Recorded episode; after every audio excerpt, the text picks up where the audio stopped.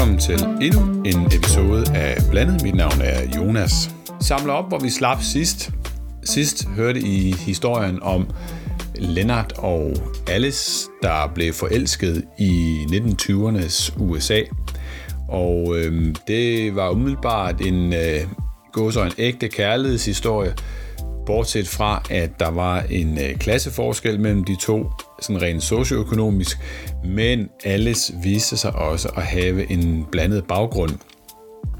Så det var ikke alene en, hvad skal vi kalde det, en, en Jack og Rose historie, hvor der var en, en klasseforskel, men der var også, også lige den ekstra, var den ekstra kompleksitet, at hun heller ikke var øh, helt hvid. Årsagen til, at det var et issue øhm, dengang særligt, var jo naturligvis, at, at flere af de her ældre, velhavende familier ønskede ikke i gåsøjne at blande sig med andre øhm, øh, raser. Og der var jo stadigvæk den her sådan noget racistiske tilgang til, at, øhm, at den hvide race var, var andre raser overlegen. På det tidspunkt var der i USA noget, man kaldte passing, det her med at udgive sig for at være noget, fordi at øh, der var opstået en hel klasse øhm, eller en hel gruppe af mennesker, som havde et blandet ophav, men som fordi at deres enten latinamerikanske eller øh, afrikanske, karibiske eller måske en asiatiske øh, forfædre var, var så langt tilbage, at det var svært at se, at de havde andre øh, aner, at, øh, at, de, at de så kunne blande sig med andre hvide, uden at de, skal vi sige, øh, gåsøjne, de rigtige hvide, øh, vidste det. Og øh, den her retssag er også, lidt, er også et udtryk for det, at de havde blandet sig med en, øh, en farvet race. Så øh, nu prøver vi lige at samle op, og så det vi mangler nu, det er at få slut, afsluttet retssagen. Som vi talte om sidst, så ville Rhinelander-familien have en annullering af ægteskabet. Og det var der primært to årsager til. En annullering ville betyde, at Alice aldrig ville kunne, øh, hvad skal vi sige, kunne kræve eller få bidrag fra Lennart som en ekskone, og heller ikke ville kunne gøre krav på noget ejendom eller i forbindelse med, med, med hans død på et senere tidspunkt. Men vigtigst af alt, så vil det ligesom i går sådan nulstille situationen tilbage til før de blev gift, sådan at Lennart fremadrettet ikke ville være fraskilt, men sådan set aldrig ville have været gift. Og det beskyttede øh, Lennart på en måde sådan, at i hans sociale lag, der ville øh, han som fraskilt til en farvet kvinde stå enormt dårligt til et øh, senere ægteskab.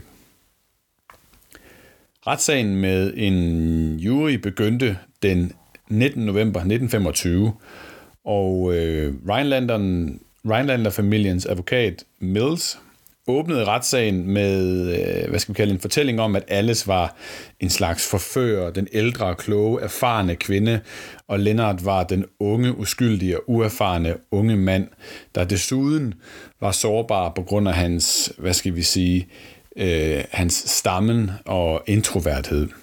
Øh, at hun lokkede ham til at blive gift, at hun først bare ville have en lejlighed fra ham, men at, det senere, men at hun senere blev mere ambitiøs og ligesom fik viklet ham ind i hendes net af løgne og sex. Rheinlandernes advokat sagde, at familien havde været villig til at acceptere hendes lavere sociale klasse, hendes lavere dannelse og sågar hendes, øh, hendes og hendes families fattigdom, men de vil på ingen måde acceptere en farvet i deres familie.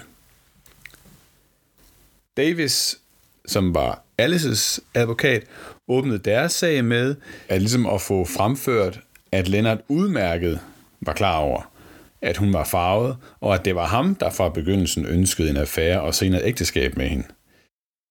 Retssagen gik herefter i fuld sving, med pladserne i retssalen godt fyldt, og stort set alle aviser med et navn var med på sidelinjen.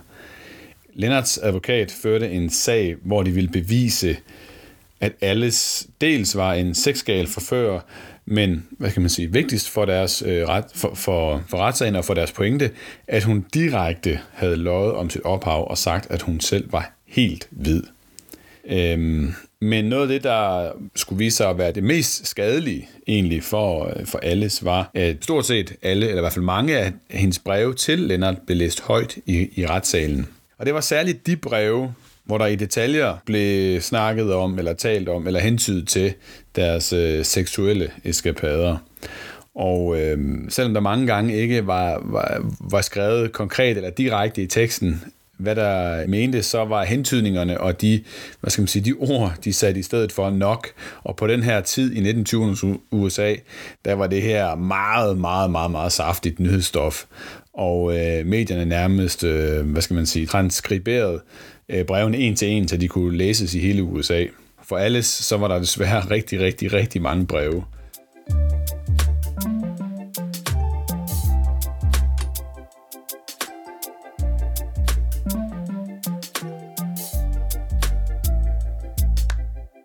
Alles advokat kæmpede tilbage med næb og klør, og øh, var egentlig oprigtigt vred over måden, at anklageren fremstillede øh, Alice på. Øh, fordi Alices breve til Lennart havde i, øh, egentlig i, i sagens natur ikke noget med, med, med retssagen at gøre, mente forsvarsadvokat. De mente egentlig, at, de, at brevene blot blev brugt for at, hvad skal man sige, at tilsværte Alices navn øh, i offentligheden. Alices advokat, øh, Davis, gjorde det egentlig til sin mission, hvad skal man sige, at turn the tables på Leonard, at, at vende mange af de anklager, postulater og karakterbeskrivelser af Alice, at de ligesom blev vendt tilbage mod Leonard selv. Hans forsvar smuldrede under krydsforhør, og for eksempel så indrømmede han, at, han, at det var ham, der ønskede at kontakte Alice første gang, øh, de havde set hinanden. Han indrømmede også, at han havde presset Alice til at bo på hotellet med ham øh, den første nat, de var sammen i løbet af retssagen, hver gang, at det kom til et, hvad skal man sige, et krydsforhør, eller, eller at Alices advokat skulle afhøre Lennart, så blev han mere og mere fraværende øh, indadvendt. Han begyndte at stamme rigtig meget under sit forsvar, og nogle gange så mumlede han så meget, at man ikke kunne øh, forstå det, og øh, dommeren måtte, måtte bede Lennart om at tale op, så, så stenografen kunne, øh, kunne få skrevet ned, hvad hans svar var. Nogle gange blev det der beskrevet i medierne, at, at Lennart det rystede så meget, fordi han både stammede og var, var enten øh, nervøs eller ked af det. Sidst så slog Alices advokat på, at Lennart udmærket godt havde kendt til Alices øh, hvad skal man sige, farvet baggrund. Hendes, hendes far var tydeligt mørk, hendes søster var gift med en sort mand, og hendes kusiner og niæser øh, var alle sammen, stort set alle sammen enten mørke eller, eller sorte. Lennart havde mødt de fleste af dem, og selvom han på vidneskranken overfor sin egen advokat erklærede, at han øh, ikke vidste, ikke var helt hvid, så måtte han under krydsforhøret af Alices advokat erkende, at han øh, flere gange godt havde, havde, havde mødt de her mørke og sorte mennesker, og faktisk også erkendte han, at han havde haft et, et godt og nært forhold til øh, Alices niece, som han havde set et par gange, øh, Roberta, som var, øh, som var helt sort. I retssalen der havde Lennart sagt, at hun øh, nu under retssagen stadig lignede sig selv som øh, første gang Øh, da de var sammen på hotellet. Kort efter så blev øh, alle bedt om at øh, gå ind i et tilstødende lokale sammen med hele øh, juryen eller nævningetinget, sammen med dommerne, forsvarsadvokaterne og Lennart, hvor hun måtte øh, lide den tårt og smide tøjet for dem, så de kunne se hendes øh, krop, øh, så de kunne se hendes, hvad skal man sige, så de kunne se hendes kropsfarve, ligesom for at slå helt fast, at det var helt tydeligt, at hun var blandet, også uden tøj på, og dermed havde Lennart altså kendt til det her allerede fra første nat, de var sammen.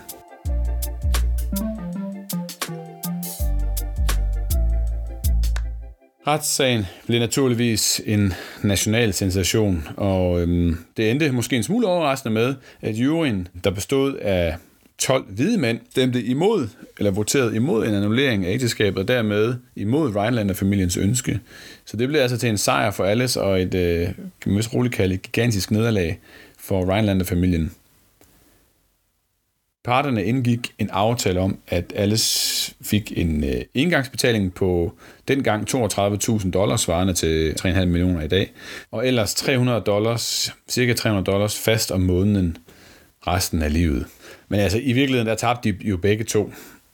Alice og Lennart så aldrig hinanden igen, og han giftede sig aldrig, og nogen pegede på, at han var meget ulykkelig i årene efter retssagen. Lennart døde allerede i 1936 efter kort tid sygdom.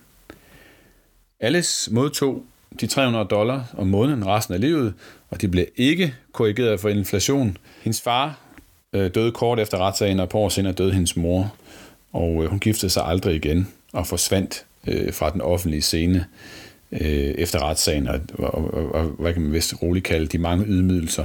Hun boede alene indtil hendes død den øh, 13. September 1989. På hendes gravsten står der Alice J. Rhinelander. Jeg vil sige tusind tak, fordi du lyttede med, og jeg håber, at øh, du har øh, fået noget ud af den her bonusepisode, så jeg kan sige så meget, at jeg gør det nok aldrig igen. Det greb alt for hurtigt om sig, og blev alt for stort, og mm, var slet egentlig heller ikke det, jeg ville. Og, øh, men jeg synes, det var meget sjovt at fortælle en historie øh, fra... Øh, jeg synes, det var meget sjovt at fortælle sådan en historie, hvor det her med at være blandet virkelig blev sat på, på spidsen. Og der findes givetvis mange andre eksempler. Det her, det var bare en af dem, jeg synes, der var mest veldokumenteret, og, og hvor jeg ligesom kunne virkelig kunne gå ned i stoffet.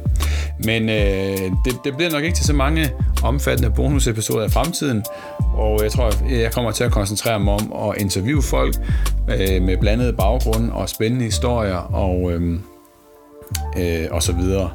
Jeg håber, du vil lytte med næste gang på Genhør.